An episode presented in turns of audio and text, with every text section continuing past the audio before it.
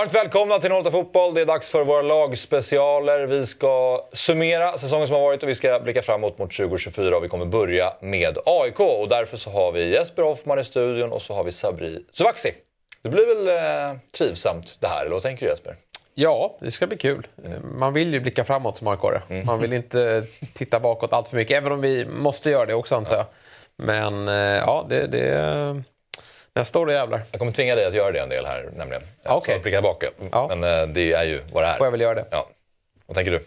Nej, men likadant. Det är klart att man bara vill blicka framåt. Men mm. eh, nu ska vi summera lite och eh, det är väl... Eh, ja, det är, det är väl så vi släpper taget kanske också. Nu har inte du varit i Norrlands fotbollsstudion så många gånger det här året, men du har varit med några gånger Sabri. När du har suttit här då har det varit lite mer prekärt läge och kanske lite, lite mer avslappnat nu. Ja, det, så är det. Andra program. Och så är det lite ovant att jag sitter på den här stolen. Jag vet inte varför. Men, eh. ja, men det är special där. Ja. Special. Men, eh, mm. Precis. Eh, sen så ska vi faktiskt ta in eh, Fabian Ahlstrand, för han är ju vår expert. Och så ska vi prata lite om vad vi ska kolla på bilder och se hur AIK spelar. Och så får Fabian analysera lite vad Henning Berg vill göra och vad de bör förbättra. Eh, men vi börjar med ett litet rykte. Det är Fotboll Direkt som ligger bakom det och det ska man väl ta med en nypa salt. Men det en stor säck salt. En stor sexalt, mm. det är väl en bättre beskrivning. Det är Nicola Stefanelli då, som uh, ju just nu spelar i Miami, men som eventuellt då skulle göra en tredje sejour i Gnaget. Och om man då hanterar det här som att det faktiskt är en möjlighet att han skulle återvända, vad tänker du Jesper då om, om Stefanelli tillbaka igen? Nej, men det tror jag inte är rätt väg för AIK vintern 23-24. Jag tror, ja, det är ju ganska nyligen släppts en, en resultatrapport och eh, det har inte varit särskilt muntra siffror. Eh, inte särskilt förvånande då, med tanke på att AIK eh, var i ett prekärt läge under den här säsongen och satsade väldigt hårt i, i, eh, i somras för att eh, lösa det. Och det gjorde man ju, så det var ju väl bra det då. Men eh, Eh, AIK är i ett skede där man eh, snarare behöver eh, föryngra och titta på ja, i fyndlådan snarare än att gå på ett etablerat namn som kräver hög lön. Sen är ju Stefanell en, en fantastisk bra fotbollsspelare som mm. vi vet funkar i AIK-miljö. Men så som truppen ser ut just nu så ser väl inte jag någon plats för, för Stefanelli. Det känns lite som en Berntsen-spelare dock för att han eh, springer mycket och han eh, passar in lite i Berntsens eh, kategori av spelare som man vill ha in till AIK. Mm, förmodligen Bosman också säkert. Kommer gratis. Mm. Det är väl det vi behöver. Nej, men Stefanelli, det är ju en publikfavorit. Det är klart att man någon gång vill se han kanske i en AIK-tröja igen. Alltså det är ju verkligen en favorit. Men jag håller helt med Jesper om att så som det ser ut nu så behöver vi inte gubbar i den åldern. Liksom, utan vi behöver liksom föryngra den här truppen och blicka mm. lite framåt. Men det är klart, Stefanelli, det är en, det är en favoritspelare. Ja. Ja, eh, vi ska ta oss tillbaka till eh, ja, ungefär ett år sedan då, under försäsongen inför säsongen 2023. Och då har vi bild på de värvningar som gjordes Um, och uh, vi kanske kan få upp dem. Men det var ju dessutom, det här är de som kom in, vi ska återkomma till de som släpptes. Men uh, där och då, vi bara tar oss tillbaka till vintern 2023 när Manuel Lindberg är eh, ansvarig och de ska ju tillsätta en ny sportchef. Det kommer ingen. Det tar ganska lång tid för den processen vilket innebär att Manuel sitter på jättemånga olika stolar. Man känner ganska tidigt kanske att det är någon stol för mycket. Men det här blir resultatet av värvningarna in. Minns du vad du kände kring det här fönstret då?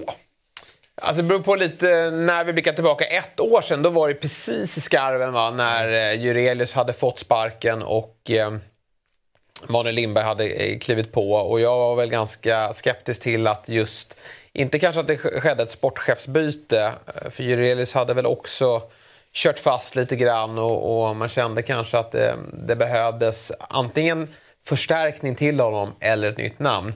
Men att Manuel Lindberg själv klev ner på posten, det kändes aldrig bra. Nej. Jag eh, är besviken på flera sätt att han klev ner. Dels för att han, han eh, förstörde mycket med sina värvningar, men också att han sumpade sin roll som VD. För ja. där hade man gärna velat se mer av honom om han hade kanske kunnat göra saker och ting bättre i den rollen, men det får vi aldrig svar på. Nej. Men för ett år sedan, då, då, hade vi ändå gjort lite värvningar. Nu, Guidetti kom ju under sommaren då, men, men eh, vi hade fått in eh, Omar Faraj. Vi hade fått in... Eh, hade vi fått in Elias Durmas? Kommer inte ihåg. Rui Modesto som, som lät ju väldigt spännande, i mm. synnerhet också när vi hade tagit in Andreas Brännström i en 3-5-2 där han beskrevs som en klockren lösning på wingbackspositionen. Eh, Magashi som hade gjort det väldigt bra i, i Värnamo och skulle kunna vara en av tre mittfältare centralt. Så att, för ett år sedan exakt så kändes det ganska bra. Sen skruvades ju tempen upp lite ytterligare under januari. När jag, Durmaz gick jag faktiskt inte särskilt igång på. Nej. Utan snarare skeptisk till, till den värvningen. Sen försöker man alltid se möjligheter med värvningar. Det där kan ju bli bra och mm. man får ju alltid lite positiva rapporter om att han har varit bra i Turkiet. Och sådär. Men jag var skeptisk. Victor Fischer däremot, det, det var en kittlande värvning tyckte jag. Eh, på så sätt att eh, han är på en sån hög nivå att, att eh, får han ordning på saker och ting så skulle han kunna ta AIK till en väldigt, väldigt eh, bra plats. Och jag tycker han visade i, i sina eh, inhopp i, i kuppen där och även starten mot Östersund att det var en, en, en, riktigt bra spelare. Men, men jag visste ju inte om att han hade skitit i en läkarundersökning och att han själv beskrev sig som fotbollsinvalid och att han hade fått löftet Nej. att han inte skulle behöva träna. Det, det var ju svårt för mig som supporter att veta. Eh, och då är det ju en katastrofal värvning såklart. Mm. Men eh, det, det, fanns absolut eh, saker i, i, den värvningen och andra värvningar som, som var kittlande. Elias Dormas trodde jag också mer på mm. än vad det har blivit av. Keita var jag skeptisk till. Men ja, det var många värvningar in, men några kittlade, några kittlade inte Allt som allt kändes det som att det, det, det kanske inte var så att det hade guldfeeling, men det kändes ändå helt okej okay då. Ja, nej, men jag tyckte framförallt att vi, om allt... Sen var man ju väldigt spänd på John Guidetti. En, mm. en bra första höst i AIK, sett till förutsättningarna. Att han var ganska otränad, kom från en mm. frysbox i Spanien. Men, men när han blixtrade till och, och, när han väl fick bollen på fötterna så visade han ju upp väldigt goda kvaliteter. Så min förhoppning var ju att en bra försäsong mm. kunde ta honom till ett ännu bättre 2023. Tyvärr blev det ju tvärtom. Han gick ner i utveckling mm. och det var ju inte bra för AIK. För det ska man ju komma ihåg, där i kuppen så möter de ju Östersund som sagt. Victor Fischer gör två mål, jag tror Ljungbydet gör mål på straff. Ja. Ehm, och sen så är det Varberg nästa match som de behöver vinna på Skytteholm då. Och AIK vinner med 3-0. Bilal Hussein gör mål ganska tidigt. Fischer inblandad i det mesta, Guidetti gör mål igen. Och, då, och Jimmy Durma startar ju den matchen också och eh, droppar ner och gör lite vad han känner för. Och då är det som att alla de här nyförvärven och alla stjärnorna klickar. Och, alla, och han spelade ju även Östersund-matchen. Så då fanns det ändå en känsla av att så här, de hittar varandra ganska snabbt här. Mm. De, de, som ska hitta det och de som ska göra det. Det här kan bli riktigt bra. Ja, men jag tror att, eh, alltså, med facit i hand är vi alla experter, men jag tror att jag var en av de som tippade AIK topp tre. Vi såg experter på liksom olika tidningar och, och andra poddar och sådär. Tippade AIK högt i tabellen. Så liksom så här, med, med, den eftersmaken man har så kanske vissa säger så här, ah, men vet, det här kände jag redan från början, men den personen ljuger. Alltså, det kändes bra när man såg den här första träningen eh, på Skytteholm och, och Svenska cupen. Det enda frågetecknet jag vet att jag hade i huvudet, som många hade, det var efter bayern matchen och just den här positionen nummer sex. Då. Vem, ja. för, när vi hade sålt Ceesay och tagit in Keita som man såg direkt kanske inte höll då mot Bayern att det var det största frågetecknet. Resten såg ju faktiskt och kändes ju faktiskt bra. Eh, sen gick det ju väldigt snabbt ut för när väl säsongen började, men inför så tror jag att många gnagare, vi, jag var ju på Skytteholm och intervjuade också eh, många mm. supportrar, känslan var väldigt god. Mm. Eh, så att jag tror att liksom, när man ser det här nu så, så känner man ju, oh, oh herregud vilket dåligt fönster. Mm. Jag tror att det, var, det är också Brännström han, hade nog inte, han var nog inte lika hoppfull för hans uppgift när han tillträdde det var ju att förbättra verksamheten på Karlberg. Och det är någonting som Thomas Berntsen har förstärkt men även Brännström fick ju den uppgiften att eh, öka eh, mm. träningsdosen och, och, få fler spelare i, i träning och öka intensiteten där. Men alla de här äldre spelarna, Fischer, eh, Durmas och John Guidetti... Jag står ju Halit inte med på den här listan. Nej, eh, men han... Ja, precis. Han kom in kom tillbaka. På mm. Mm. Men, men eh, alla de tre bärande spelare, för det ska man ju veta att det är ju stjärnorna som då ska ta AIK till en förhoppningsvis guldstrid. De är ju inte i träning eh, och, och, då blir det ganska svårt för Brännan att då... Eh, ja, min uppgift är att förbättra träningsmiljön här. Mm. Och de tre stjärnor som jag har fått till mig här, de tränar inte. Mm. Det var svårt för oss supportrar att, att, veta och sen så fick vi väl värsta tänkbara utfall eh, på det hela. Ja, och man ska också säga då att vi tappade ju en hel del spelare. Eh, och det var ju inga små namn som försvann då. Vi nämnde Stefanelli som ett exempel. Eh, Yasin Ayari, Joe Mendes eh, såldes och sen såklart eh, Pertan. Han spelade visserligen inte så mycket under säsongen men sen har vi Mikael Lustig och Sebastian Larsson. Och det var väl en del till att Victor Fischer och Jimmy Durmaz framförallt anslöt då, för det fanns den här pressen eh, på Manuel att du måste ersätta de här med stora namn och rutinerade fotbollsspelare. Och då landade han väl i de namnen. När de inte sen kunde axla det, de rollerna som de tog, då föll det väldigt platt. Mm. Nej, men sen också det här eh, med hela grejen när du är inne på Brännström, att han och eh, han och Manuel inte hade någon dialog alls om, över liksom så här, eh, vad är det för spelartyp du söker, vad är det för spelartyp du vill ha. Det, att, att när sådana saker läcker ut också, då, då förstår man att det blir en, ett ännu större problem. Att vi har en VD slash sportchef som tänker helt i en egen bana än vad tränaren gör. Och då, det syntes, det syntes mm. ganska snabbt. Och alltså, förvånansvärt mycket som läckte ut från Karlberg. Eh, den våren, liksom, försäsongen och våren. Det var ju, man fick ju höra alla möjliga rykten liksom, hela tiden. Vems fel är det? Och det, ja. det, det märktes till slut på både spelare och, och, och brännaren att det vart ju lite märkliga uttal sådär, mm. direkt i Discovery. Som, det är inte likt AIK mm. eh, riktigt, men eh, nej. Men sen så eh, kickade säsongen igång i alla fall och då ska vi gå in på del två som eh, ja, krisvåren, som eh, man skulle kunna kalla den. Och, eh, Börjar med att AIK förlorar mot Halmstad borta i premiären. Tar emot Norrköping hemma. Förlorar den matchen också, blir överkörd av Norrköping. Och i omgång tre då står AIK på noll poäng och, då väntar Hammarby på Friends. Och det var ju ett hyfsat viktigt derby kan man säga. Och då var det mycket snack som du var inne på, de här nummer sex-rollen också. Då var det Robin Tii som fick kliva in i den. Mm, startade med sex backar va? Eller fem eller sex backar. Det var en extremt defensiv elva och det var Alexander Fesaie som var typ den enda offensiva spelaren på plan nästan. Men, men, det, men det löste sig. Ja, nej, men man har ju aldrig mått sämre inför ett derby på Friends. Aldrig, kan jag säga. Jag, det var nästan, alltså man hade inga förhoppningar alls. Men det, det vände ganska snabbt. Alltså, jag kände att hela arenan, jag minns den matchen så väl, för jag kände att hela arenan efter fem minuter vände sig och sa Hörru, vi har en chans här. För Bayern såg otroligt, otroligt dåliga ut. De var ju, de var ju inte inloggade överhuvudtaget. Men när man liksom såg startelvan, vi startade med, jag tror vi startade med sex med sex försvarare på planen. Mm. Och någon gång hade vi till och med sju försvarare på planen. Mm. Eh, det var en fembackslinje eh, och, och sen tio. Och sen som... tror jag Acke kom in också sen i andra halvlek. Eller sådär. Ja, just det. Så, det, det ju, alltså, det, ja, vad, alltså, vad, vad kände nej, det du? Var, nej, men jag kände väl samma. Det var oro innan. Sen såg man ganska tidigt att AIK hade problem nästan under hela säsongen med lag som klev högt. Vi hade väldigt svårt att knacka oss förbi en press, men Hammarby av någon märklig anledning klev ju inte på överhuvudtaget. Och AIK fick eh, i lugn och ro eh, ta sig förbi pressen och, stod för en, en riktigt imponerande insats. Och då fick man lite hopp igen. Det var lite falska förhoppningar man fick från den matchen. För det var ju snarare Hammarby som var riktigt dåliga. Mm. än att AIK var, var, bra i den matchen. Så att eh, det var ju otroligt skönt att vi vann. Mm. Men, men eh, det var synd att vi inte kunde bygga vidare på det. Jag minns just den, situ alltså den situationen som att det blev otroliga hyllningar efter den matchen. Det var, lite så här, det var nästan lite för bra för att vara sant. För jag minns att jag satt här ja, efter. Vi hade ett 08 eh, på en onsdag och mm. den här matchen spelades, det här derbyt var nog på en söndag. Och jag var så trött på de här hyllningarna. För jag sa så här, det väntar Värnamo i helgen. Och det förlorar man den matchen du, allt det här som hände i Hammarby-matchen, det är som helt bort, bortblåst. Och det är precis vad vi gör. Mm. Vi åker till Borås Arena och torskar med 1-0 mot Värnamo. Nu, facit hand är det ett bra Värnamo, men mm. där och då liksom så... Du vet att det var bara upp och så bara direkt ner i, i, mm. skiten igen.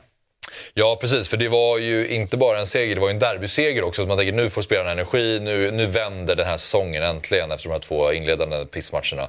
Men sen som du säger, Värnamo, sen var det väl, jag kommer inte ihåg exakt vilken ordning, men det var Mjällby borta där. John Guidetti har ett superläge med Nick som han bränner. Ja, Fischer bränner ju mot Värnamo också. Mm. Eh, de spelar 0-0 och så är det Degerfors borta under våren där också om man förlorar. Eh, när John Guidetti Helt plötsligt tog de fram VAR i Allsvenskan när AIK ja. får en straff men eh, den tas tillbaka av någon domare som man inte vet vem. Och sen har du ju även Sirius-matchen. Det var ju väldigt mycket stolpe ut där. AIK fick liksom aldrig momentum för det var ju många matcher som man förlorade orättvist, om det finns någon form av orättvisa i, eh, i allsvenskan så tycker jag att AIK eh, drabbades av den här. Eh, så att det var en, en ja, blytung vår. Mm. Nej, och, så, och, och sådana lägen som kanske John Guidetti missade där, nicken mot Mjällby, det är så här, det är ingenting som Brännan kan liksom göra någonting åt. Även om Brännan fick det största skitet under mm. hela våren så, så var det ju just det där att när vi väl kom till alltså, läge som ska vara mål, så gör vi inte mål. Det kan ju också förändra mm. väldigt mycket. Ja, men det fanns ju vissa matcher, Kalmar hemma var en sån match där Omar Faraj missade en straff, men man kände att det fanns någonting där det började liksom kanske hända lite grann. Men, ja, precis. Men det, det, släppte aldrig riktigt. Och sen så kommer det då eh, derbyt mot Djurgården på Tele2 när det blir förlust, givetvis Djurgården vinner och det är väldigt mycket stök på läktarna och man känner att nu har bägaren runnit över för AIK-supportrar rejält här. Ja, det var väl en aktion som har bestämt sen innan. Ja. Eh, AIK står upp ganska bra i den matchen också. Mm. Det var ju Djurgården som var stora favoriter. Trots att Djurgården har ett dåligt derbyfacit mot eh, AIK så var det Djurgården såklart som var favoriter här, men eh, det var väl ganska sent i matchen som Danielsson gör det här 1-0 målet. Mm. Och då Slut. brakar ju helvetet loss. Mm. Och AIK är på en, en, riktigt dålig plats. Inte bara sportsligt utan såklart även mm. utanför plan. Och här ser man ju också banderoller avgå Brännström. Mm. Och det kanske man gjorde någon match tidigare också, men här var det ju verkligen... Nu bör, nu, inte alla. Det var ju när, när de banderollerna kom upp på Friends första gången minns jag som att eh, supportrar också buade för att man ville att man skulle stötta sin tränare. Men det fanns vissa grupper som hade ledsnat, som ville att Brann skulle avgå då. Ja, så var det ju verkligen. Mm. Och det hängde, du, du menar den banderollen som hängde utanför Friends? Eh, också inför ja, en match. Så, ja. Den hängde ju där precis vid, vid hissen där. Ja. Och då var det snack om det. vilka är det som har hängt upp den här och, och, och, så vidare. Mm. Som jag minns det. Och det var någon som gick och, och rev ner den och så här. Men det, mm. det, hela våren kändes väl som en så här Eh, vems fel är det? Mm. Vi alla stod och pekade finger. Är det Brännans fel? Är det Stjärnornas fel? Är det Manuels fel? Och, och, det var ju bara det det handlade om i princip. Man bara satt här, vi satt i 08 och alla andra poddar som, som, som vi har och bara surrade så här. Vems fel är det att det ser ja. ut så här? Liksom? Ja. Och, eh, det var mer, mer eller mindre pekleken liksom. Ett poddtips från Podplay. I fallen jag aldrig glömmer djupdyker Hasse Aro i arbetet bakom några av Sveriges mest uppseendeväckande brottsutredningar. Går vi in med hemlig telefonavlyssning och, och då upplever vi att vi får en total förändring av hans beteende. Vad är det som händer nu? Vem är det som läcker? Och så säger han att jag är kriminell, jag har varit kriminell i hela mitt liv men att mörda ett barn, där går min gräns. Nya säsongen av Fallen jag aldrig glömmer på Podplay. Ja, och eh, Manuel Lindberg tog eh, tjänstledigt och till slut så avgick han också. Eh, så det var en kort session för honom och inte särskilt lyckad. Då, Nej, får det får man väl säga. Och det här får ju styrelsen också såklart ta på sig att man godkände Manuels önskan att kliva ner på sportchefsplatsen. Eh, för då har man inte förstått särskilt mycket av hur viktigt det är att ha en, en, en sportchef. Mm. Så det var en otrolig miss från AIKs sida. Men sen tillsattes då Thomas Berntsen och eh, han gav eh, Brännan BP-matchen efter uppehållet som de vinner. Och sen får Andreas Brännström eh, lämna. Ja, jag tror att det handlade ju om att Henning Berg då tackade jag ganska yeah. sent inpå. Jag vet att AIK jobbade på andra namn också, så det var inte bara Henning Berg som var i aktuell. Eh, men det är klart att surt för Brännan samtidigt som Brännan hade ju hört hur det snackades. Alltså agenter drar igång mm. Eh, med sitt arbete och det når ju Brännan såklart också. Men han jobbar på. Det som, hade det varit den sportchefen som hade varit Berntsen som hade tillsatt Brännström så tror jag faktiskt, givet de förutsättningar han hade under eh, våren så tror jag att han hade kunnat fortsätta. Men, men med det usla poängsnitt som ändå var där. Berntsen får i uppgift att rädda klubben. Då var, eh, var han tvungen att agera. Och, eh, det går ju att säga saker om Henning Bergs insats också, men, men han löste det mm. Vad... Eh, vi kan väl titta på hur det ser ut poängsnittsmässigt om vi jämför Brännan med Henning Berg och dessutom Bartos. Eh, bara för att det är ändå en tränare som tog AIK nästan till ett SM-guld, landade på samma poäng som Malmö. Men sämre målskillnad och slutade tvåa i Allsvenskan då, eh, 2021. Men en poäng per match eh, på Brännan eh, enligt eh, Transfermark. Då, och, och då är det cup inräknad också va? Ja, det är det. På 17, matcher, 17 allsvenska matcher har han ju inte Nej. med att göra. Eh, 1,61 då på Henning Berg på sina 18 matcher och så hade vi 1,76 per match på de 80 matcher som Marcus mm. som huvudtränare. Nej, men det skulle sägas att Henning Berg också fick ju betydligt bättre förutsättningar i, med tanke på att Ja. det tillkom väldigt många spelare. Men, men Henning Berg gör det han ska göra och jag tycker att det fanns en, någon form av utveckling eh, i spelet också här under, under hösten som, som talar för att eh, Henning Berg med, med beröm får godkänt. Eh, sen tycker jag fortfarande väldigt synd om Andreas Brännström. För vad hade, Alltså- vet ju inte hur, han hade kunnat forma det här AIK. Det, det ska ju sägas att det har kostat AIK väldigt mycket. Henning Berg sitter på en bra lön, det, det, det vågar jag lova. Och Brännström kostar att, att sparka, så det är en rokad som, som kostar pengar och, och gör att vi blir mindre slagkraftiga när vi kommer in till nästa fönster. Men återigen, Berntsen fick i uppgift här att rädda AIK på kort sikt. Det lyckades han och Berg med. Ja. Ja, alltså sen eh, Brännan, alltså, han får ju också spela det. Men det är inte samma förutsättningar eftersom han inte alls eh, vad, vad som har kommit fram efter. Han har inte varit involverad i alla värvningar som gjorts. Alltså, de här värvningarna på, på, på, på Durmaz och Fischer, så här, det, är inte, det, är inte, det, är inte någonting han, han, det är inte någonting han ens bett om. Utan, eh, eller att bli av med Ceesay och få in Keita. Alltså, så här, det är såklart att det är sämre förutsättningar, men det brändes ju en del pengar det fönstret också, men inte på spelare som tränaren vill ha. Nej. Här kom ju Berntsen in, men han hade väl också en filosofi av att så här, han såg ju liksom att off, nivån på träningarna den är inte tillräckligt bra. Eh, vi har inte tillräckligt eh, träningsvilliga spelare. såg väl direkt det som liksom har varit ett problem. Att oj, vi har mer spelare som sitter på cykeln än som är med på träningsplan. Så det måste vi förändra. Eh, Och Pitta som har gjort, eh, vad blev det till nio mål va? Eh, Nio mål har det han. säger lite, ja, just det, det säger lite ändå om eh, liksom hur snacket gick mellan eh, Berg och Berntsen. För det är uppenbarligen en spelare som Henning Berg har haft koll på eftersom han kommer från cypriotiska ligan. Eh, så det, då känns det ju som att de verkligen har ett ganska tätt samarbete när det gäller vilka spelare som ska komma in till AIK. Det var ju absolut inte känslan mellan, Hen- mellan Nej. Brännan och eh, Manuel. Utan Manuel plockade väl de spelare som han bara fick feeling för. Ja, ja precis. Men ja, här har vi dem och så ser Tideman vi Hansen Tideman Hansen där också. Precis, han är med på bild men inte på listan där. Men han eh, ska nämnas också. Nej, men eh, som helhet ett, ett bra fönster. Sen är inte alla fullträffar, men det är klart att fullträffen finner vi här bakom mig då, i form av Anton Saletros. En värvning som ju jag tror inte är möjlig. Att, nu har jag ett stort AIK-hjärta, men jag tror att eh, den ska ju tillskrivas Berntsen såklart också eftersom han har jobbat med honom i Sarpsborg. Och det, det är ju den stora anledningen till att AIK faktiskt eh, ändå hänger kvar eh, den här säsongen. Och eh, ja, makalös på alla sätt och vis. Superlativen räcker ju inte till. Nej.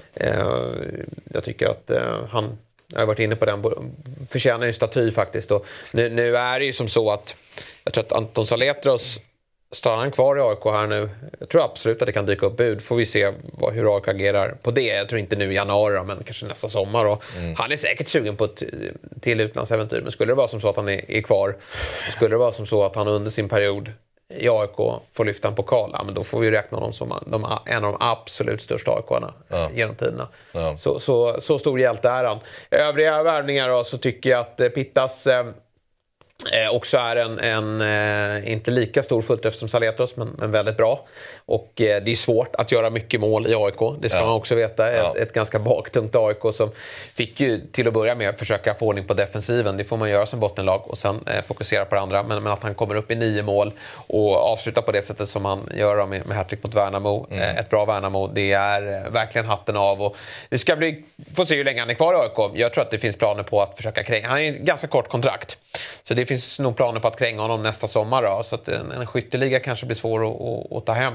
Men förhoppningsvis många mål här under våren. Men visst finns det en, så här, fortfarande en del så här, frågetecken kring de här spelarna, att man inte känner att man Verkligen. vet exakt hur bra de är. var, var har vi är ju. Hansen? Men- Tyckosen också en sån spelare som har blandat och gett ganska mycket. för, Salih. för de som du nämner här, Saletos behöver ingen scouting för att ta hem. Nej. Även om man har haft han i Sar- Sarpsborg. Det är inte så här sportcheferi på hög nivå att scouta honom och få hem... Nej, men det är, scout, det är hög nivå på att få honom att välja AIK.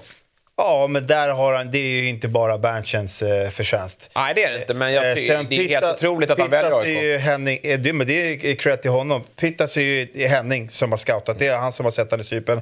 De andra, när vi pratar Besirovic, eh, Tidemans och Tykosen och då Selina på lån. Där är ju Berntjens värvningar och alla de är meh, om man ska vara helt ärlig. Vi har, Pit- Ja, vi har ju Pittas och Saletros som är de riktigt bra värvningarna av de här. Besirovic, det är han som ska komma, det är han som ska komma in och, och, och, och bidra med spetskvaliteter i den här truppen som är liksom verkligen en Berntsen-scoutad värvning. Jag, jag, tycker inte, jag, jag vet fortfarande inte vad han har för spetskvaliteter om jag ska vara ärlig. Han var löpvillig och det, det räcker ju inte. Nej. Sen eh, Tideman Hansen har vi sett väldigt Det är lite många av. som menar att Be- Besirovic, eller det har ju eh, Thomas själv sagt, eh, Berntsen, alltså, att han har fortfarande inte fått spela i rätt position. Nej. Att han inte används på rätt sätt. Så här. Men jag, jag håller jag är, Nej, men Besirovic är väl den stora besvikelsen, men i övrigt så tycker jag ändå att Tideman Hansen eh, tycker jag har lyft AIK. Hans, det är en mittback vi har saknat, en spelartyp. Och sen har han fått spela väldigt lite. Det tycker jag är lite förvånande att han inte fick mer speltid per omgående. Men, men ja, det löser sig ändå. Eh, Selina, ja, vi vi kommer väl till vad vi tänker framåt. Han har ju varit bra eh, och, och han har nog en höjd i sig. Sen är frågan om man ska förlänga med honom. Och Tyckosen tycker jag faktiskt har spelat upp sig ganska ordentligt. Jag, jag, jag var besviken på den värvningen under sommaren, även när han gjorde alla de här målen. Men jag kände att det brast bakåt och han var inte tillräckligt bra framåt. Nu tycker jag att han har fått lite balans på det där. Och det man ska komma ihåg med alla de här spelarna, det är ju att de står ju på träningsplanen varje dag. Eh, och det betyder väldigt mycket för AIK. det, det, det, är, det är låga krav i, i laget. Ja, men det, det vet jag inte. Men du menar varje dag som att det är liksom mer än... Ja, men de bidrar väldigt mycket i att det är eh, spelare som ger järnet på, på träningsplan. Det, det, ska man, det låter ju att man... De tränar. det, borde man kunna räkna med, men eh, det ska man nog inte ta för givet. Jag så jag... Eh, och, och det ska man komma ihåg också. Eh, AIK är ett uselt lag under sommaren. Vem fan vill kliva in i AIK i det här läget? Eh, när Visst, det finns pengar att locka med, men det finns risk för att AIK inte spelar i, i högsta serien. Och, och då tycker jag ändå att det är en styrka att få hem de här eh, gubbarna. Ja. Vi eh, ska ta och titta på lite bilder från när AIK spelat fotboll under hösten och vi tar in Fabian Ahlstrand i studion. Ja, Fabbe, välkommen in i studion. Tack.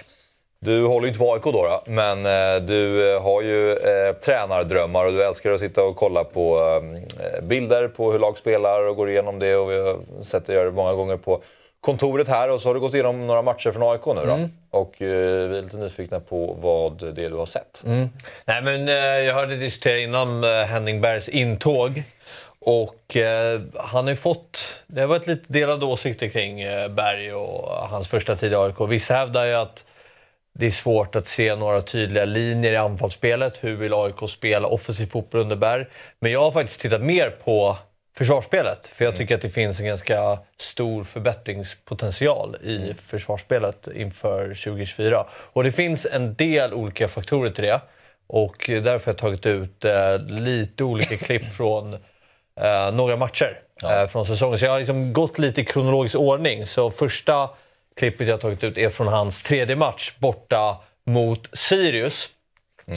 Det här är omgång 17 och eh, det här är en match AIK vinner med 1-0 men där jag tyckte att man kunde se ganska tidigt att AIK var ganska mycket undertaliga på mittfältet. Det var lätt för motståndare att spela sig igenom. Man mötte Häcken i hans första match. Då såg man andra halvlek att Det var ju väldigt mycket snack om det. Ja. ihåliga är centralt. Att det, det, det kommer bli svårt för AIK att spela med två spelare på mittfältet. För att då, då, då kommer de få springa enormt mycket och AIK kommer ha svårt att vinna bollen. Och det här är matchen mot Sirius, det här är tredje matchen under Berg. Och jag tänker vi kan rulla klippet.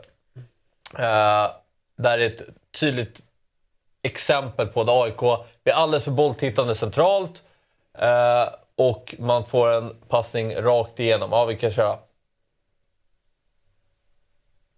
Där är en Sirius-spelare som smyger in här i mellanytan och vi ser på AIKs mittfältare att man är lite bolltittande, man blir genomspelade och det blir en farlig målchans. Så, så här var det mycket i början. Eh, Och att man är för få centralt då, eller? Ja, bara och, och att man har en backlinje som tenderar att falla istället för stöta. För att om vi, om vi bara kan ta en gång till så tycker jag ändå det här är en spelare som man skulle kunna våga trycka på. Jag ser här Sotte eller Haliti skulle kunna kliva på den här spelen.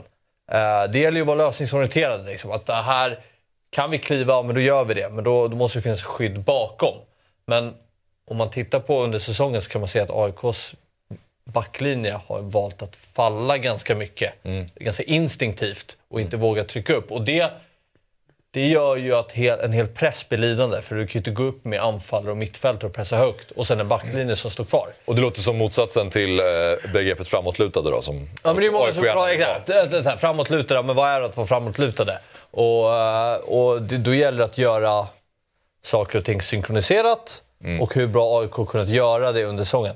Eh, nästa klipp är egentligen efter ett bolltapp eh, mot Hammarby. Man ligger under här i matchen eh, och Hammarby får en kontring. Vi ser att det är ganska många AIK-spelare på offensiv plan. Han var här, pass, ser vi. Istället för att kliva upp, ta en frispark till exempel, så väljer backlinjen, Milosevic i det här fallet, falla av. Hammarby får kontring, Djukanovic gör mål. Nu har jag inte tagit med det, men alltså att Det blir ju jobbigt också för mittfältet i längden eh, för Saletros att ta den där löpningen varenda gång om inte istället för att Milos då står där uppe och kan eh, vinna bollen högt upp. För det är ju också en del av att vara offensiv. Ja, men det krävs ju jättemycket av mittfältarna. Jag tycker Saletros har ju verkligen, han har kunnat rädda upp många situationer.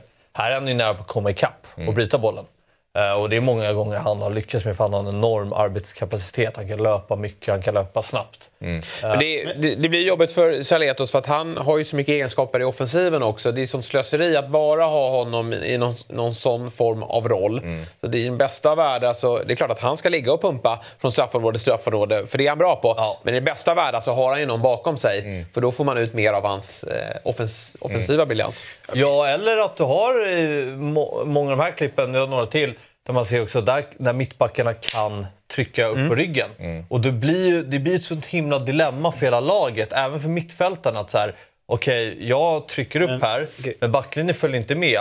Kanske man tvekar en aning, ja då öppnas en annan yta upp. Så, Den här, i, I den här omställningen så är det, det är ett beslut som Milosevic måste ta väldigt, väldigt snabbt. Och det är också på plastgräs. Det, alltså det, det är väldigt lätt att gå bort sig här.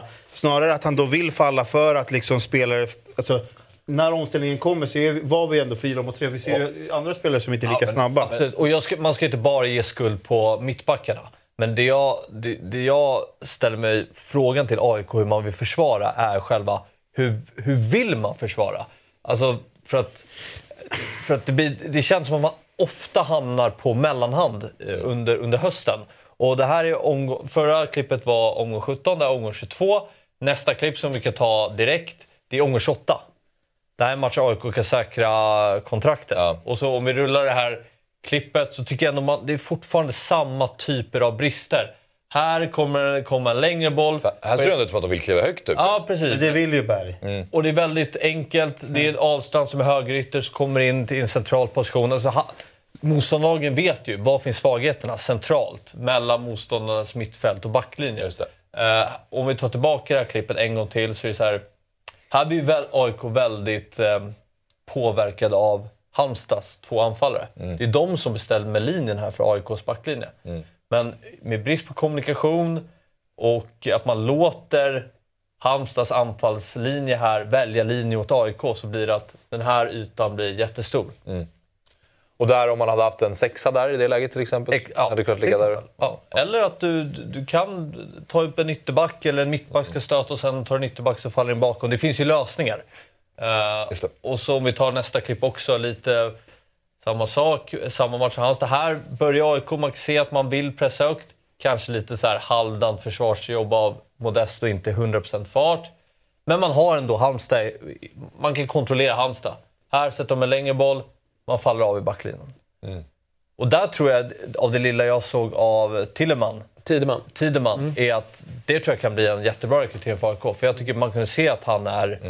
Ja, han är, jag, ska säga, jag blir lite förvånad, eller jag blir inte förvånad av bilderna för jag har ju också lagt märke till det. Men, men det jag blir förvånad är att Soto och Milo har varit lite för passiva. För det är ju två aggressiva mittbackar. Deras svagheter kanske snarare har legat med deras fötter. Som får mycket använda sin vänster. Men Milosevic har ju alltid varit, när han spelar med han har ju haft en väldigt jobbig säsong med, med huvudskador och annat. Och känns som att han har ju blivit, mått väldigt dåligt av att AIK har gått dåligt och, och att det kanske inte har funnits eh, riktigt eh, eh, ja, men den, den centrallinje som han hade hoppats på framför sig heller. Och det har gjort att han har blivit väldigt försiktig i sitt sätt att spela. Milosevic ska ju vara en kille som kliver upp och vågar trycka till. Och där tycker jag till exempel i derbyna, då, då är det som att han, då sträcker han på sig och då är han mycket bättre. Som i det här bayern derbyt då, då fick de ju väldigt mycket energi av att många ifrågasatte om det fanns ledare på plan och att AIKs mittbackar inte duger. Då är ju Soto och Milo hur bra som helst. Och detsamma är sen Djurgårdsderbyt, Soto och Milo hur bra som helst. Men i de här matcherna så tycker jag att det, det saknas lite självförtroende eh, i Men sättet de försvarar. Tror du, att, tror du att det här är instruktioner från Henning, att man inte vill kliva upp så högt med backlinjen? Eller tror du bara att eh, just eh, de väljer här, alltså Sotomiro, att man inte riktigt vågar? Ja, men här är det ett läge där man kan kliva högt, men att man nästan... Man pratar lite olika språk mellan lagdelarna. Jag har ett klipp till som vi kan kolla som faktiskt är väldigt bra. Det är kanske det är en helhetsbild av hur, hur det kan se ut. Att man pressar högt, man, man börjar gå, Selina. Ja, men så är man lite tveksam här bakom. Det kommer en pass emellan. Man, kolla, backlinjen är här nere. Här kan... Här. Nej, Mohamed kan vända upp här. Mm. Tyckosen faller av. Alltså det, det, är så lätt hur Halmstad i det här läget kan komma till offensiv planhalva. Men- Man är så långa mellan lagdelarna. Och, och eh, jag vet inte vad... Det kan ju vara en självförtroendesfråga, det kan vara en formationsfråga, det kan vara en spelarfråga. Jag vet inte, men jag tycker att man pratar väldigt mycket om att ja, men, stora problemet med AIK under Henningsberg har varit att man inte kan skönja några linjer i anfallsspelet. Men jag tycker snarare att försvarsspelet har varit det som har varit det största eller problemet. ska jag säga. Ibland kan man, när man försvarar lågt, är man ganska bra. Men att just det är för lång, många stunder i matcherna där jag tycker att det är lite för lätt att såra AIK. Men ha, alltså, du och jag som sitter bakom Henning Berg, eh, det vi ser väldigt mycket det är att han, han är uppe och gestikulerar att spelarna ska upp, de ska pressa, de ska springa. Och, så, så, och, och, och, och målet med att man pressar högt, det är ju inte att åh, man kanske vinner bollen någon gång där uppe, men det är grejen är att man vill ju ha den där långbollen från målvakten. Man vill ha en liten chansboll och där ska backarna vinna bollen och så ska man redan ha fem sex man på, på offensiv plan halva så ska man köra omställningar. Så, så jag ser problemet, men det känns inte så eh, overkligt att de skulle kunna justera det här ganska lätt. För att i, I början, det, är det första klippet du visade där i Sirius, då hade de ju, han kom in och, och etablerade sitt 4-4-2. Man såg att han, han, han sket ju nästan lite i motståndarna mer än att han bara ville liksom sätta någon form av grund i det här AIK. Eh, sen har man ju sett han nästan riva av det där håret som han inte har på att han hela tiden vill att spelarna ska pressa. Pressa, springa, pressa, springa. Eh, men Men då måste du göra det hela laget. Hela laget, Du kan ju precis. inte pressa med Nej. sju spelare. Du måste pressa Vi sitter ju en. inte ihop. Nej, Men, det sitter ju inte ihop. Och det är det som tycker jag har varit ett problem med AIK. Att så här, eh, framför allt... Det är ju en sak att falla på bortaplan mot Bayern på ett snabbt konstgräs. Ja. Det, det, det får väl någonstans man ha förståelse för. Men hemma mot ett av Sveriges sämsta lag, Halmstad, när du förväntar dig att du ska stänga igen butiken. Det ska ju vara elva vildhundar som kliver högt. Ja. Sen om någon droppar igenom, det ser vi ju om vi tar de bästa lagen. Ja, men det rinner igenom mot Liverpool på Anfield också. Men fine, vi, med det här sättet att spela så gör vi 3-4 framåt. Och det är ju verkligen det är så här som AIK har varit de senaste åren, att man är lite för fega. Och, och just, det är också det som gör att när, man, när motståndarna gör mål, då känner man att det här, då blir, nu är det kört. Nu, och det är väldigt svårt för AIK att vända fotbollsmatcher, det får man göra för få mål. Så om man skulle riska lite mer, det är klart man skulle kanske släppa in något mer, mer mål, men man skulle göra betydligt fler. Och det handlar ju bara om att våga. Det är ju en bra Men man, beskrivning att de man, inte man, vågar. man kommer man kommer ju också ihåg det att han skruvade lite på det alltså senare eh, på hösten där det liksom, när han lät Tajar gå högre upp, Pittas, Selina, han spelade ju med tre in i mittfältare nästan, när Selina kom väldigt långt in i banan. Man ville pressa högt, så när man ser de här bilderna så är det så här, det är bara kanske backlinjen som inte har liksom fått de här på. instruktionerna då, liksom att man ska ligga li, lite högre. Ja, för det blir ju jobbigt för de offensiva spelarna då också att gå högt för att du vet inte om du har backlinjen med dig i ryggen. Eh, men det är ju så här för AIK, jag menar, det är ändå många saker de är bra under hösten också. De har ju fått in bra spelare som kan avgöra matcher på egen hand. De är ganska bra fasta. Eh, och i många matcher så är de ändå ramstarka och släpper kanske inte till jättemycket. Men jag tycker ändå det är för, lite för många matcher där man känner att AIK är lite fortsatt för ihåliga defensivt. Och Det tycker jag faktiskt är ett större problem än att man har problem med det offensiva spelet.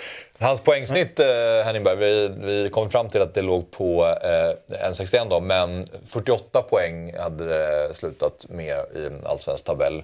Och det är i alla fall betydligt bättre än vad det såg ut att vara under våren och så, men AIK vill väl ändå ha lite mer i, i förlängningen. Ja, det är väl, vill man väl såklart. Även om jag tycker att man måste vara realistisk framåt också. Att det, det är ju inte... eh, bara en tränarfråga utan det är ju också sportcheferi som sträcker sig ganska lång tid tillbaka Ja. som leder till att vi, vi har inte en trupp som kanske ska komma 11. Det, det har vi faktiskt inte. Men eh, så jävla mycket bättre är det nog faktiskt inte heller. Så att man, man får vara lite ödmjuk framåt och hoppas att de har fått ordning på eh, scoutingteamet och att man rekryterar bättre helt enkelt. Och att man är, man, man är skickligare på att eh, ta upp från U till A. Eller det är man väl eh, ganska bra på, men att låta dem få spela också. Mm. Men eh, ska man säga någonting om försvarsspelet också då, som, man vill, som jag ändå vill lyfta fram lite med Henning Berg, det är ändå att hemmafa- AIKs hemmafacit blir mycket, mycket bättre på hösten. Vi håller 4-5 nollor i rad där. Och eh, vi går på två plumpar. Eh, vi torskar mot, mot, mot, mot Häcken, tror jag att han gör i sin första, Första matchen, ja. Ja, det, det är svårt. Sen, sen är det ett kryss mot BP och det här krysset då mot Halmstad. Sen är, det ju, sen är det ju vinster på hemmaplan, så vi blir ju mycket, mycket bättre på hemmaplan. Vi får ju den där hemmaborgen. Det här är näst sista matchen. Det kanske var lite mer avslappnat än vad det skulle vara. Ja. Eh, för vi hade den där genomköraren mot Göteborg precis innan. Men vi håller ändå, det är några matcher där vi håller 4-5-0 i rad på hemmaplan. Så försvars, försvarsspelet blir bättre på hemmaplan. Sen ser vi borta mot Elfsborg, plastgräs, äh, det går lite för snabbt. Där kan vi säkert justera saker till nästa år. Men jag vill ändå att lyfta Hennings hemmafacit blir ju faktiskt bättre. Man gick ju till Friends och kände att nej, men nu är vi tillbaka här, där det är jobbigt att möta oss här. Ja. Den kanske inte sprudlade framåt, det var 1-0-segrar och sådär. Men Ja, men det där, alltså, med de publiksiffrorna AIK har och med ett fungerande spel, du kan ju få sån otrolig fördel med det. Alltså, bara kolla, om man tar en sån grej som pressspel. Att så här, pressa högt, få med publiken, vinna bollen högt. Spelarna får energi av supporterna. På samma sätt kan det bli en, liksom, en, en nack... Börda. En Nej, men det, det, det, Ja, men sa ju motståndarlagen att de gillade att komma till Friends Ja. under våren för att vi ska sätta pressen högt och, och eh, få med oss publiken på så sätt att de börjar bua mot AIK. Och så ska det ju inte vara. Nej. Utan det ska ju vara eh, liksom en, en borg där, där AIK sätter skräck i motståndarna Ja. och där man känner att man har 11 eh, blodhundar och sen även eh, eh, de, den tolfte spelaren från läktaren. Och, och det eh, såg vi faktiskt glimtar av under hösten men, men för, förhoppningsvis så blir man bättre på det här eh, under 2024. Ja. Ett poddtips från Podplay. I fallen jag aldrig glömmer djupdyker Hasse Aro i arbetet bakom några av Sveriges mest uppseendeväckande brottsutredningar.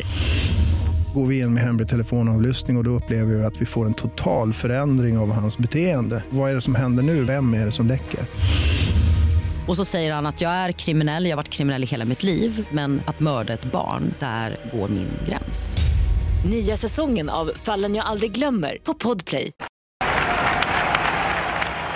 Ska vi ta och titta på truppen då, som den ser ut just nu eh, i eh, december 2023. Så här ser det ut. Och det är väldigt många spelare och eh, vi har haft med Thomas eh, Berntsen här i 08. Jag har intervjuat honom i andra sammanhang och jag har varit inne på att han kommer skära ner det här ganska rejält. Och det är många spelare som ska försvinna. Och då har vi ytterligare en bild med truppen ur ett annat perspektiv, nämligen om man delar upp dem spelarna i, i ålderskategorier. Och då har vi övergångsspelare till vänster och så är det 22 till 28 år i mitten och 29 och uppåt. Och då ser man ju att det är ganska många spelare eh, ändå till vänster. Men det är också ganska få spelare som man känner att det kanske sitter så mycket kring där. Och det har ju varit en stor grej här att AIK behöver kanske föryngra sig lite grann och kunna spela många unga spelare också ur en ekonomisk synvinkel för att det, det är bra. Vad säger du Sabri när du, när du ser det här? Nej, det är alldeles för stor trupp. Det är, det är ett sportcheferi som behövs göras här för att uh, göra sig av med många spelare uh, som vi inte har i den här truppen att göra. Och det är där man får se hur spetsig han är. En sportchef jobb handlar inte bara om att hitta liksom, fina spelare som ska komma in utan man måste liksom kunna hitta lösningar på spelare som ska ut. Och uh, det finns väl spelare här som sitter på ganska hyfsade kontrakt som är alldeles för bra för det, för det de har presterat och ger till AIK. Sen vill vi ju också höja kvaliteten på träningarna. Då är det, inte bara, det, det, det går ju inte att vara 40 man, utan det är, det är mycket bättre att vara 20 man med kvalitet än att vara 40 man på en träning. Så det är klart att det är ett, han har ett tufft jobb framför sig, Berntsen, men det är här han också får visa att eh, han är en riktigt bra sportchef. Och eh, man får kanske inte man, man får väl kanske inte räkna ut han för snabbt då, även om, även om man hör liksom det här att han vill förlänga med vissa spelare som är lite äldre och, och direkt så rycker många AIK på ögonbrynen och jag också. Men du har ju sagt att du ska föryngra, men man måste ju förstå att det är, av, av de spelarna som ska bort så, så, så är väl det prio ett än att liksom så här, ska jag förlänga med Nordfeldt eller Sott eller Milo eller så vidare. Så nej, truppen måste bantas helt klart. Och sen ska ju också vissa spelare med kvalitet in här också. Mm. Vad tänker du Jesper? Ja, nej, det är väl det, liksom, prio ett här nu för eh, Berntsen. Han tog in väldigt många spelare i, i somras. Och eh, det måste rensas ut eh, ordentligt. Och det blir en, en utmaning för många av de här spelarna låt oss vara ärliga, är ju inte attraktiva för, för fem öre och, och sitter med kontrakt. Ja. Så det är ett, eh, ett jobb han har. Eh, så det, det, blir intressant att följa. Ja, vilka av, de, eh, av det äldre gardet då, om man tittar mer höger och delvis mitten också, känner ni att det här är ändå spelare som eh, vi måste behålla? Ja, nej men tittar man på, på det äldre gardet så, så tycker jag att det räcker med en av Tideman Hansen och Sotte. Och, och, då så röstar jag för Tideman Hansen för jag tycker att han har egenskaper i sitt spel som, som AIK har saknat. Dels en mer aggressiv mittback men också bättre på, på fötterna. Och då har jag svårt att se hur man ska kunna sitta med Milo, Sotte och Milosevic. Mm. Och det har inte så mycket att göra med, med Sotte. Sotte och Milosevic. Ja, eh, Milo, Sotte och Tideman Hansen. ja, eh, och i synnerhet också med, med Collins. Eh, för i, det är våra fyra mittbackar nu och, och Faka finns ju där också. Men, men eh, ja, jag tror snarare att han har inte visat tillräckligt mycket Nej. på sina utlåningar att han ska lånas ut. Men med Collins så finns det två alternativ. Det är att sälja eller spela. Ja. Sälja eller spela, inte ha någon på bänken. Det är helt omöjligt att, att ha en sån spelare på bänken. Och där måste ju Berntsen då bestämma sig vad han ska göra. För att en tränare i form av Henning Berg om han får en trupp, då kommer han ta det etablerade alternativet, mm. det erfarna alternativet. Mm. Det räcker med att Collins i den första träningsmatchen skickar en crossboll upp på Skytteholms läktare, så är han out. För då tar han det erfarna alternativet. Mm. Det är så det funkar bland eh, tränare av den skolan. För han är anställd att vinna fotbollsmatcher. Eh, eller så går man ner och säger eh, till eh, Henning Berg, det man gjorde till Andreas Alm. Att du har en uppgift och det är att du måste starta ja. tre övergångsspelare. Och så lyder inte visionen. Utan visionen är ju... Vad sa du? Hur har det gått för honom att varit utlånad? Bra. Han blev utsedd till, nu är det ju finska ligan, ja. han blev utsedd till deras bästa unga spelare, spelat varje match. Det har varit en väldigt lyckad utlåning. Mm. Sen är det finska ligan, men, men det fanns intresse redan i somras. AIK fick bud, men AIK kunde inte bryta avtalet. Eh, och då får AIK göra värdering. Kommer det nya bud? Är det tillräckligt bra eller kan vi tjäna mer pengar på att spela honom? För det, jag, jag tycker att ett klockrent exempel är ju när Hammarby spelade Odilon. Eh, Odilon var ju... Han var ju också 17. Ja, absolut. Men han var ju skitdålig i Hammarby. Han var riktigt... Alltså, som han kostade... Ja, det var ju några ja, men alltså, det, var, det kostade ju Hammarby sportsligt. Sen såg alla potentialen. Mm. Och då valde Hammarby, vilket jävligt imponerande, att vi spelar honom. För vi vet hur vi bygger värde. Mm. Och jag tycker att AIK är i ett sånt skede... Eh, liksom så här, var befinner vi oss just nu? Kommer AIK kunna slåss om ett guld? Nej. Det är inte realistiskt. Mm. Sen vet vi att Hammarby vann 21, de var tippade sist. Så att allt kan hända i den här serien. Det är ju det som är det härliga. Men är det realistiskt ja, att tro att AIK ska kunna vinna ett guld? Nej, det är inte det. Är det realistiskt att AIK ska slåss om Europa? Nej, det är det faktiskt inte heller. Utan det är en, en, en mittenposition. Och då tycker jag att det är ett ganska... Och vi, vi har ju med den här, de här tuffa åren bakom oss med uselt sportcheferi som till slut har lett till att vi har eh, tappat sportsligt. För tidigare har det varit ganska svaga sportcheferi. Men vi har ändå lyckats liksom, ta oss till Europa, vinna derbyna, liksom lurat oss själva att vi är bättre sportsligt än vad vi egentligen är. Men nu kom verkligheten ikapp och då måste AIK förstå att eh, det är ett gap nu. Det är ett ganska rejält gap. Förut var vi de eh, första utmanarna till Malmö. Men nu är det ett rejält gap till eh, Häcken, Malmö, Djurgården och Elfsborg. Eh, till viss del Hammarby. Mm. Och det här gapet måste AIK ta igen. Och hur gör vi det? Det är genom att sälja mm. fotbollsspelare. Vi vet att vi har tv-avtal. Eh, det är lågkonjunktur ute i världen. Ett tv-avtal som ska förhandlas om två år kommer bli mycket sämre. AIK är i behov av att sälja fotbollsspelare. Mer än någonsin. Vi värvade massa etablerade spelare i somras. Vi har en bra etablerad grund, spelare på kontrakt. Nu måste vi sälja fotbollsspelare.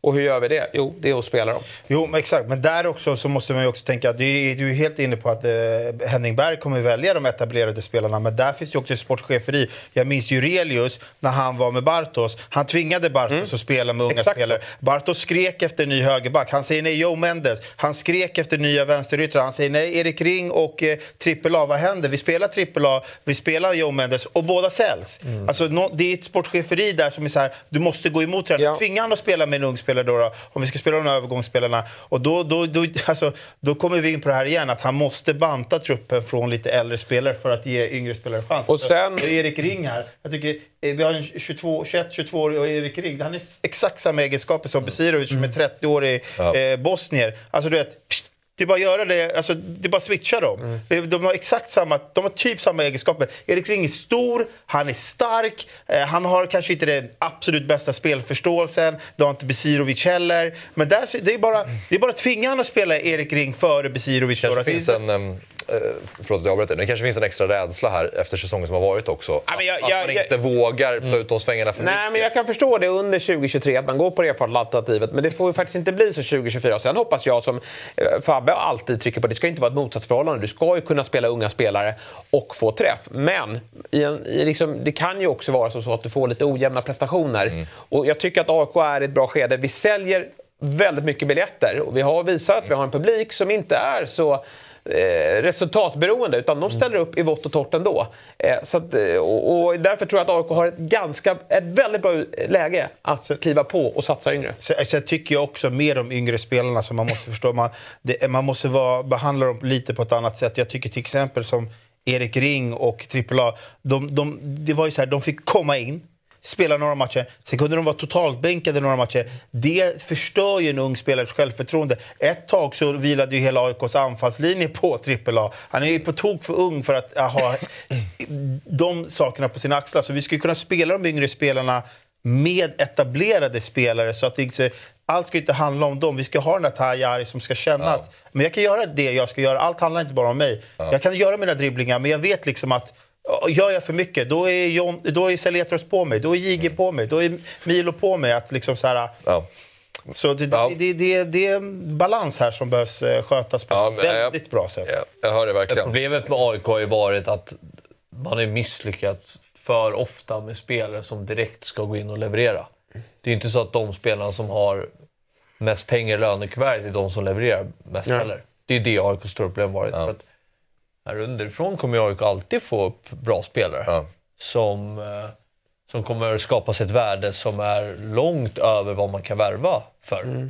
Men tyvärr så, de här yngre då, vi lyckas ju alltid sälja dem för en ganska bra peng. Sen, sen tror jag att AIK kan bli bättre på det. Men vi får ju inte så mycket eh, sportsligt eh, utfall av dem, för vi spelar dem ju ganska sällan. Alltså Yasin Ayari, vad fick vi ut av honom? Han användes ju i fel roll. Han exploderar under, under, eh, under hösten. AIK är ju dåliga på att spela sina U-spelare för att man tar de här dyra värvningarna Exakt. som inte levererar i startelvan. Ja, ja sorry. Men eh, vi, vi kan väl kolla på hur du, eh, om det hade varit premiär idag då, eh, hade ställt upp med AIK. Just för att så här, blandningen av unga och lite mer rutinerade spelare. Och då vet jag att du har ju en, den yngsta av dem alla här, längst till vänster där uppe, Jonah Kusiasare i din eh, startelva. Tillsammans med två eventuella nyförvärv då. Ja, precis. Jag eh, har eh, kikat lite i... Eh, jag kikat lite på Transfermarkt och grävt lite i... Eh, Du har gått in i Thomas Berntsens roll. här. ja, men precis. Varit sportchef. Men vi kan väl börja då med, med Kusi Asare där... Eh, Låt mig vara tydlig då. Rapporten är ju att det är ju det största råämnet AIK har någonsin fått fram. Eh, eller framförallt BP har ju fostrat honom ska sägas. Han, han klev över till AIK här ganska nyligen.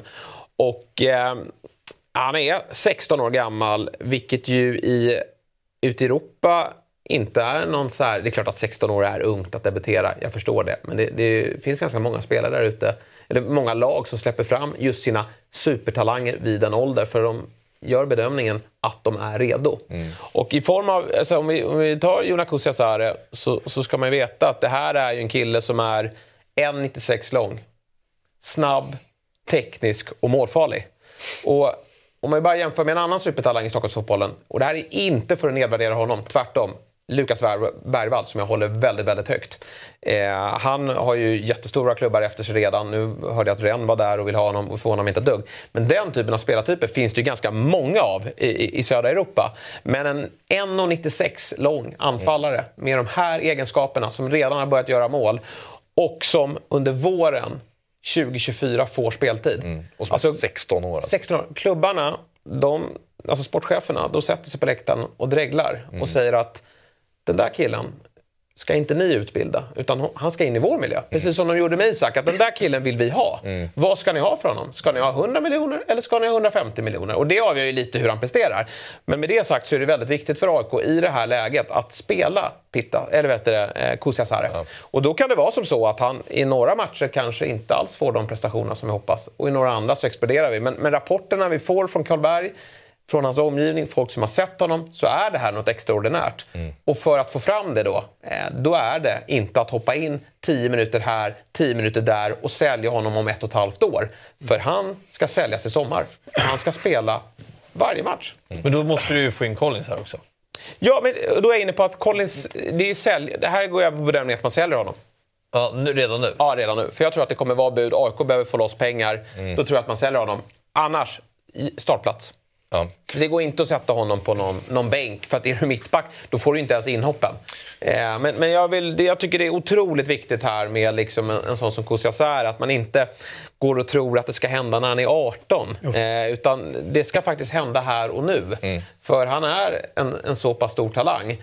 Och sen är det såklart att han kanske blir sliten och att det är, Jag säger inte att han ska spela varje, varje minut. Men säljer AIK Omar Faraj så tycker jag absolut inte att AIK ska ta in en ersättare. Men eh, Ajari ska ju spela centralt. Så, Men han, är ju, han kliver ju in ganska mycket centralt i, i banan, eh, vill jag ändå poängtera. Och, och med Ajari kan det ju vara som så att han... Det är samma sak där. Sälj eller ordinarie. Men vi måste prata om de nya spelarna också, Ahlstrand och Larsson. Ja, men precis. Ahlstrand har jag har väl inte jätteförhoppningar på att vi löser honom. Men det sägs ju att AIK är intresserade och det blir jag glad över. Han gjorde ett jättefint, en jättefin säsong.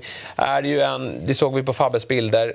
Kan utgå från höger, kliva in centralt. Och så har vi ju sett att Henning Berg har använt sina yttrar. Att han har eh, spelare som utgår eh, från, från kanterna i försvarsspel. Men när vi tar boll så kliver de in centralt.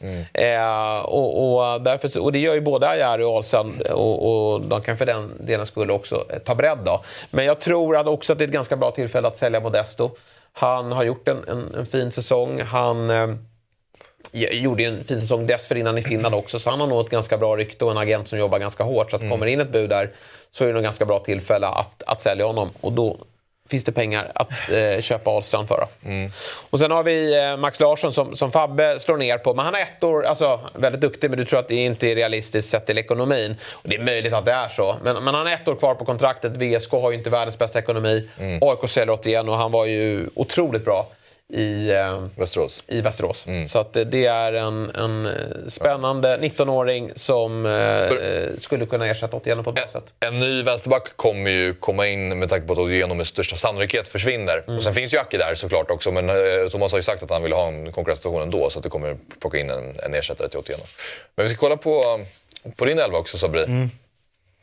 Och se hur du har lagt upp det. Då får Selina spela, han fanns ju inte då i eh, Jespers. Och sen så har vi Kusiasare i någon mer släpande roll Ja. där bakom roll. och Pittas. För att eh, sanningen är att när vi ska välja nia då kommer Henning Berg aldrig välja Kusiasare först. Han kommer välja Pittas först för att spela nia. Och då har vi sett att de andra, Omar Faraj, de har spelat tia. Men jag eh, vill få in honom då som en tia. Eh, och så har jag också nyförvärv. Karl, vänsterback. Det är väl också... Alltså det är de två positionerna, liksom, att vi ska ta in en mittfältare vänsterback och verkligen komma in. Han har ju sagt i andra poddar att det kanske är rätt omöjligt, men det är en dröm att få tillbaka eh, Erik Karl och spela där. Jag har också Ahlstrand, som jag tycker skulle passa väldigt fint i det här. Sen hade jag det här problemet med att så här, okej, vilka tre övergångsspelare ska spela då? För att vi ska föryngra den här truppen och vi har en ålderstigen trupp. Vilka ska spela? Vilka ska in? Och jag går ju på den linjen att de behöver sälja Tahayari då. Eh, Och här har du ju en. Ja, nu har jag bara en. Eh, och det vet jag. Men jag har ju svårt att se vilka som ska kliva in och spela då.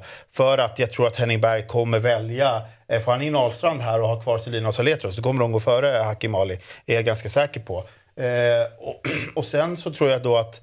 Eh, men, Tajari ska väl in här då. Men jag tror att det kan vara en spelare som Berntsen tvingas sälja. Det är, hans kontrakt går ut. Han, var, han gjorde ett bra år förra året och det är väl den relationen med Universal att Antingen sitter de och väntar ut kontraktet och vet att Tajar ska spela och så blir det inga pengar alls, eller så måste han säljas nu. Det är en svår situation där. Han har ett år kvar.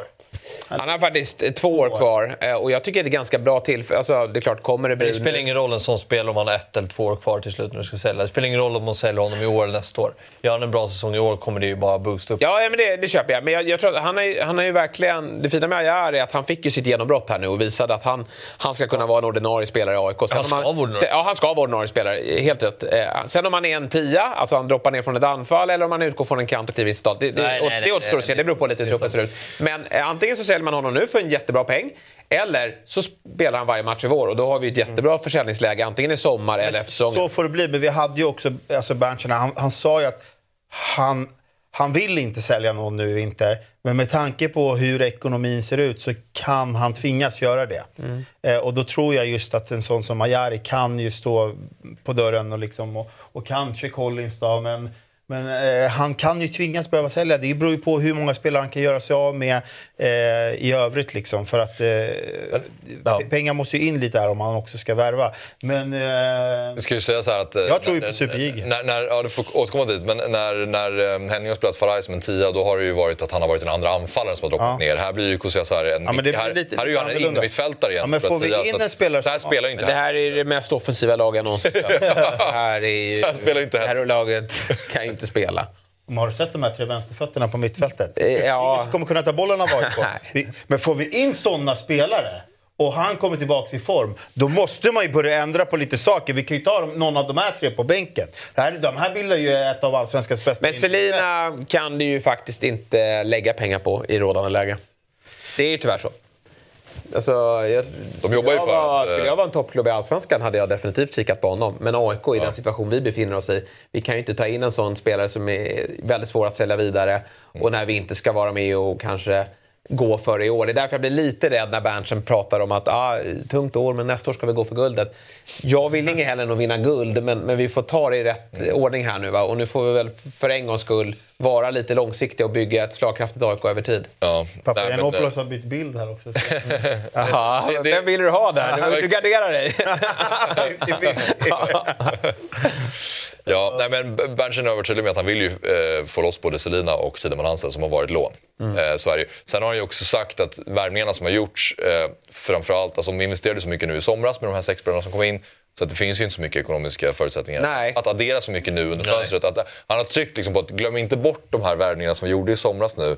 För de ska också vara liksom med oss. Ja, nej, men jag, 2024. och det har- ju verkligen med. Därför blir, tycker jag att det är lite förvånande att han ska fortsätta att sats, eh, satsa på etablerat. Däremot så är det ju tråkigt att det inte var Selina som kom istället för Besirovic. Ja. Eh, men nu när Besirovic finns där så får vi ju satsa på honom. Eh, för att han är, han är ändå inte, han är inte Durmas-hyllan, alltså helt obrukbar. Nej. Utan Besirovic går ju faktiskt och kanske att men- hitta på någonting med. Men, men det Ska- finns ju spelare som vi inte ens kan använda Ska oss vi av. spela Kusiasar till exempel, som vi såg att eh, Henning Berg inte ens kastade in sista 5-10 minuterna i matcher här i slutet. Alltså det var ju givet att han, Berg skiter i det här med övergångsspelare och att AIK ska sälja något. Alltså, då måste Berntsen tvinga honom att spela. Nej, jag, Jag tror inte heller han det. Jag det. tror att han kanske gjorde det i år. För då handlade det bara om en sak och det var att rädda kontrakt. Sen Men kanske det tycker jag, det där tycker Vi jag är ligger konstigt. under med 3-0 mot Elfsborg. Låt han spela en kvart då. Jo. Alltså, Gjorde han inte det? nej, han fick ju inte ens komma in väl? Ja, okej. Alltså det fanns ju sådana tillfällen. B- Berg gjorde generellt inte många byten. Han var ju extremt... Nej, borta mot Elfsborg Den retoriken tycker jag är lite märklig, att man inte vågar spela för att det är ett kritiskt läge. Alltså det ska ju vara ändå att om spelarna är tillräckligt bra, då ska de spela.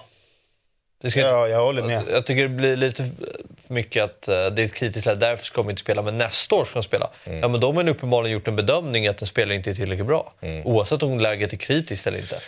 Men han startar ju, han eh, började ju spela Abdiakin eh, Ali eh, som inte spelade så mycket innan Henning kom till exempel. Ajari klev in och var- Ajari startade han ju och Omar Faraj. Och när, Val var, försvinner. och när, när, Han tvingas spela med honom för att Keita och Durmaz vill han inte spela Nej, absolut, med. det, det är sant. Men eh, när han har honom och Tajari som han spelar och dessutom Omar Faraj, då har du faktiskt tre övergångsspelare där i startelvan. Och det är ju det som AIK i- i- som, som minimum ja, ja, vill jo. ha. Så då följer han ju faktiskt det. Och han har gjort det en del i Norge, så att jag tror inte... Det var, absolut, det fanns lägen när Kusiasare skulle kunna hoppa Nej, men alltså, jag- jag tänker men jag tror att han, han har mer koll på Koll- det alltså, än vad du- många tror. Tror jag. vi pratar ju liksom att då ska ju han få spela mer. Guidetti kanske kommer tillbaka, vi vet inte. Nu ser han ju ut på liksom att han tränar väldigt hårt. Vi, vi, det är osäkert, vi vet ju inte. Jag vet att du har tappat hoppet, jag har inte tappat hoppet. Men, eh, om han också då ska spela, och, och så har vi Besirovic och så har vi. José Asare. Ja, men, han Jo, men gillar jag tror inte på Guidetti. tomten här. Nej, jo, jag gillar Guidetti. Jag var ju fan satt ju och eh, ville ha hem honom till varje pris. Sen, sen har det ju blivit som det har blivit. Och eh, jag sitter inte och, och jag sätter mig inte i förhoppningsbåten ännu. För att det vi har sett under fjolåret, och nu har han ju ingen vad heller, det går inte att tro på Guidetti. Sen, kan, sen blir jag den första att eh, jubla om, om det är som så att han motbevisar mig. Men, men jag, blir ju, jag vill inte se ett anfallspar som heter Pittas Guidetti. Det är en av dem som ska spela i sådana fall. Och då tror jag att det är Pittas. För återigen, Kusiasar ska spela. Alltså, det är så många 16 och 17-åringar eh, ute i Europa som får speltid och visar vägen och höjer sitt värde. Vi har han Nypan i Rosenborg.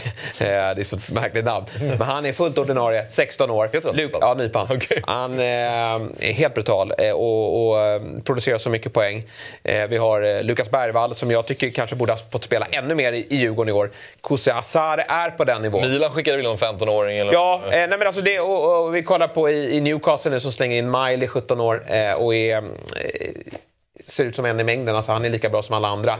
Och det, det går inte att jämföra Kusiasare med övriga spelare för han är på en bättre eh, Och, nivå. eh, Men, eh, och Alexander Isak ska man ju inte... Han, det är också ett, eh, väldigt, eh, han var väldigt bra, men han var 16 när han Ja, ja nej, men, och, och, och det kan jag säga så här. Ja, ja. Jag, spelade han? För att han var bra. Ja. Ja, men han blev ju tvingad. Han hade ju Denny Avdic och eh, vem var det mer som... Ja, Och Basi? Han var, ja, men det var ju någon där under... Två anfall gick ju sönder. Eh, eh, Markkanen och Denny Avdic gick ju sönder under våren. Och då blev han ju tvungen att spela eh, Alexander Isak. Så att, eh, det är mycket möjligt att de två hade stått där vid startlinjen om det vore så. så men för jag, det är ju faktiskt som så att har de två jämbördiga, det är ju inte så som de brukar säga. Jag, har jag två jämbördiga så tar jag den yngre. Den, den yngre behöver oftast vara bättre för att få chansen. För att man i svensk fotboll värdesätter erfarenhet. Eh, men, ska det inte vara så, Nej, men det nej, är ju ofta nej, så. är- Så då tycker jag att man, man eh, AIK har ett... Jag, jag tror inte att supportrarna, kommer vi ja, men spela ett etablerat lag och kommer fyra, eh, eller så spelar vi ett yngre lag och kommer sjua. Då eh, tar jag hellre det yngre laget, Mm. eh, där AIK befinner sig nu. Ja. För det kommer ge mer AIK långsiktigt. Hur säkert är det att en Soso Pittas är kvar? Alltså gör man sådär mycket mål och... eh, Han- han ryker i sommar. Alltså, Det, det är vad han själv vill. Han har kommit hit för att göra mål och kommit hit för att dra vidare. Ja, men jag tror att för AIK bud i januari så säljer man. ja. Men är det här som blir din liksom drömelva? För jag tolkar det som att du ändå vill ha in många unga spelare. Eller vad, vad ska jag tolka den Ja, men alltså just nu är det här min dröm. Ja. Jag tror att det här laget lätt kan komma högt upp i, i tabellen. Alltså, så här, man kan titta på bilder och hit och dit. Alltså, hemmafacit blev mycket, mycket bättre under Henningberg. Det där poängsnittet han tar, det gör oss till ett topp 5-lag direkt. Om man håller det snittet hela nästa år. finns justeringar man kan göra och det finns fortfarande liksom försäljningspotential och så vidare. Men så här, ja, jag... jag ehm, jag Jag kan inte, var, var, varför vill du att AIK ska ta tillbaka Erik Karl? Han kommer inte vara billig. Alltså, är- jag gillar honom jättemycket. Det är jättebra... Nej, men den är, den är Det kanske körd. är, den väl. det kanske är körd. Det kanske Tyvärr. Det fanns nog lite förhoppningar tidigare men nu är han tillbaka till sin plats och jag tror att eh, framförallt då så hörde man ju för sig vad han kostar och Århus vill ha tillbaka investeringen. 15 miljoner. Ja, men det kan man ju glömma. Men eh, jag, jag, jag har inte scoutat lika. Jag har inte gått ner i Västerås och kikat vad vi ska ha för vänsterback. Nej. Jag vet att Otieno försvinner och vi har ingen tydlig ersättare i truppen som, som borde starta allsvenskan. Så där behöver det komma in något nytt. Men bara så att jag är med, ni har inga fler namn sådär som ni vill eh, bolla upp som ni skulle vilja ha som drömvärvningar till laget i dagsläget? Alltså det är ju om man skulle hitta någon eh, central mittfältare att stärka upp med. För jag tror att vi kommer tappa ganska många där. Eller jag hoppas att vi tappar ganska många där. Magashi, om Berg är kvar då kan inte Magashi vara kvar. Och där finns det intresse. Keita måste man göra sig av med. Jimmy Durmaz måste man försöka göra sig av med. Och, och då behöver det komma in en, en central mittfältare och då, då hoppas jag på ett ungt namn. Men eh, ja, vem, vem det ska vara det har jag inget namn på här idag. Vad som är realistiskt. Alltså, eh, han sa ju det själv. Han såg det som orealistiskt, eh, sa Berntsen, att värva unga spelare inom Sverige. För att de, det, är, det är för dyrt för AIK Ja. just nu. ja. Eh, och då blir man ju deppad. för att det, det, det är någonstans där man vill att AIK, man vill att AIK ska vara jag förstår att, att, att man vill, att när man ska föryngra, att det, att det är så, oh, vi har så bra akademi, vi kan bara ta därifrån. Mm. Men AIK ska ju vara en klubb som också är först på bollen. Alltså så här, när man ser Sirius hitta Zeidan, men där, ska, där tycker man ju så här, där ska AIK hitta honom mycket tidigare än, än Sirius. exempel. Alltså, vi måste också hitta de här unga spelarna inom Vad ska. AIK göra? eh, Zidane? Tycker han till bra för AIK?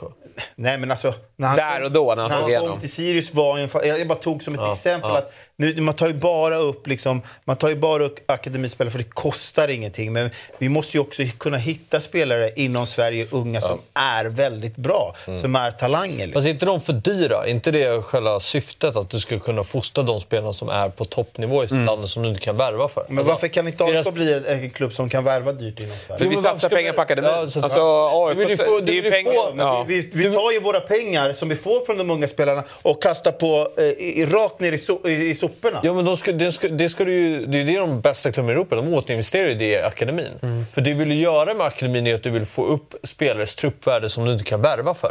Du vill få en spelare som du ska få upp värde till 20 miljoner. Och du kan inte värva spelare för 20 miljoner. Och spelaren ska vara... Alltså, den spelaren du fostrar ska vara en... Det är det AIK gör. AIK säljer ju en ung spelare så tar de in eh, Jo, men de är ju bra en etablerat som tar upp... Som, Ja, men det är ju fel. Då ska ju snarare den killen komma från akademin. Om akademin eller någon som kostar hälften så mycket. För att, eh, skulle, skulle AIK valt Astrand för JG, vi, vi bara leker med tanken, han hade inte kostat något 10, 20, Nej. 30 miljoner. Det är det jag menar, man måste kunna hitta sådana... Det tror, jag, det, det tror jag han vill komma och kunna göra den typen av investeringar också Det är såklart. inte bara hans, Men- det är ju alla sportchefer vi har haft tidigare. Ja, nej. Tagit, alltså vi kan börja med Isak-pengarna. Vad, har- vad har det egentligen gått till? Alltså, du vet, ni förstår vad jag menar. Det är där måste vi också bli bättre, Ja, men... Ja. tycker jag. ja. Ehm, Nej, men det handlar, tyvärr är det ju... Jag tycker så här, jag är också för, det har jag alltid förespråkat mixen, men jag tycker att vi, vi har eh, liksom väldigt mycket erfarna spelare som, som kan bära det här laget och vara goda förebilder för, för de yngre.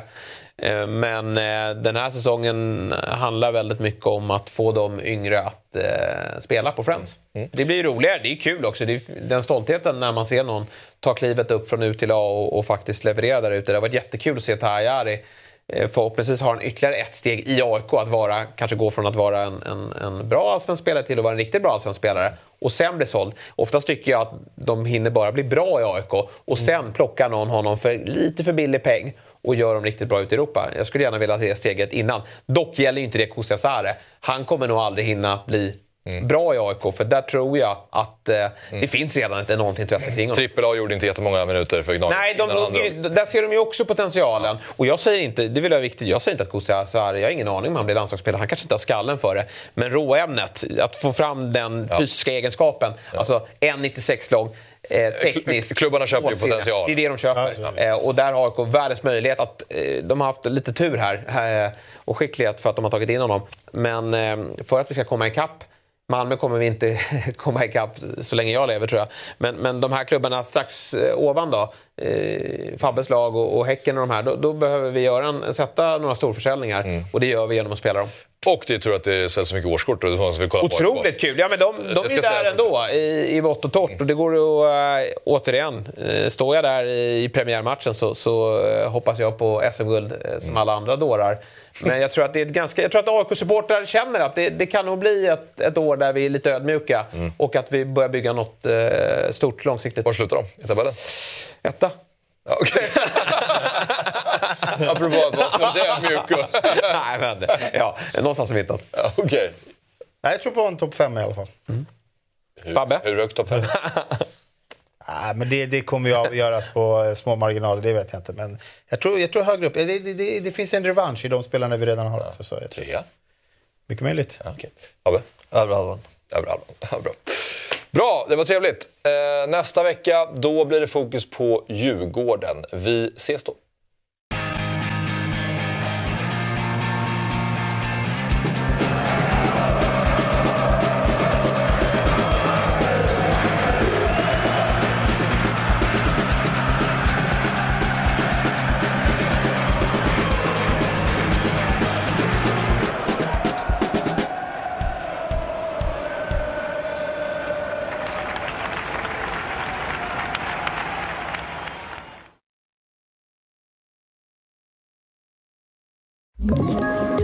Poddtips från Podplay.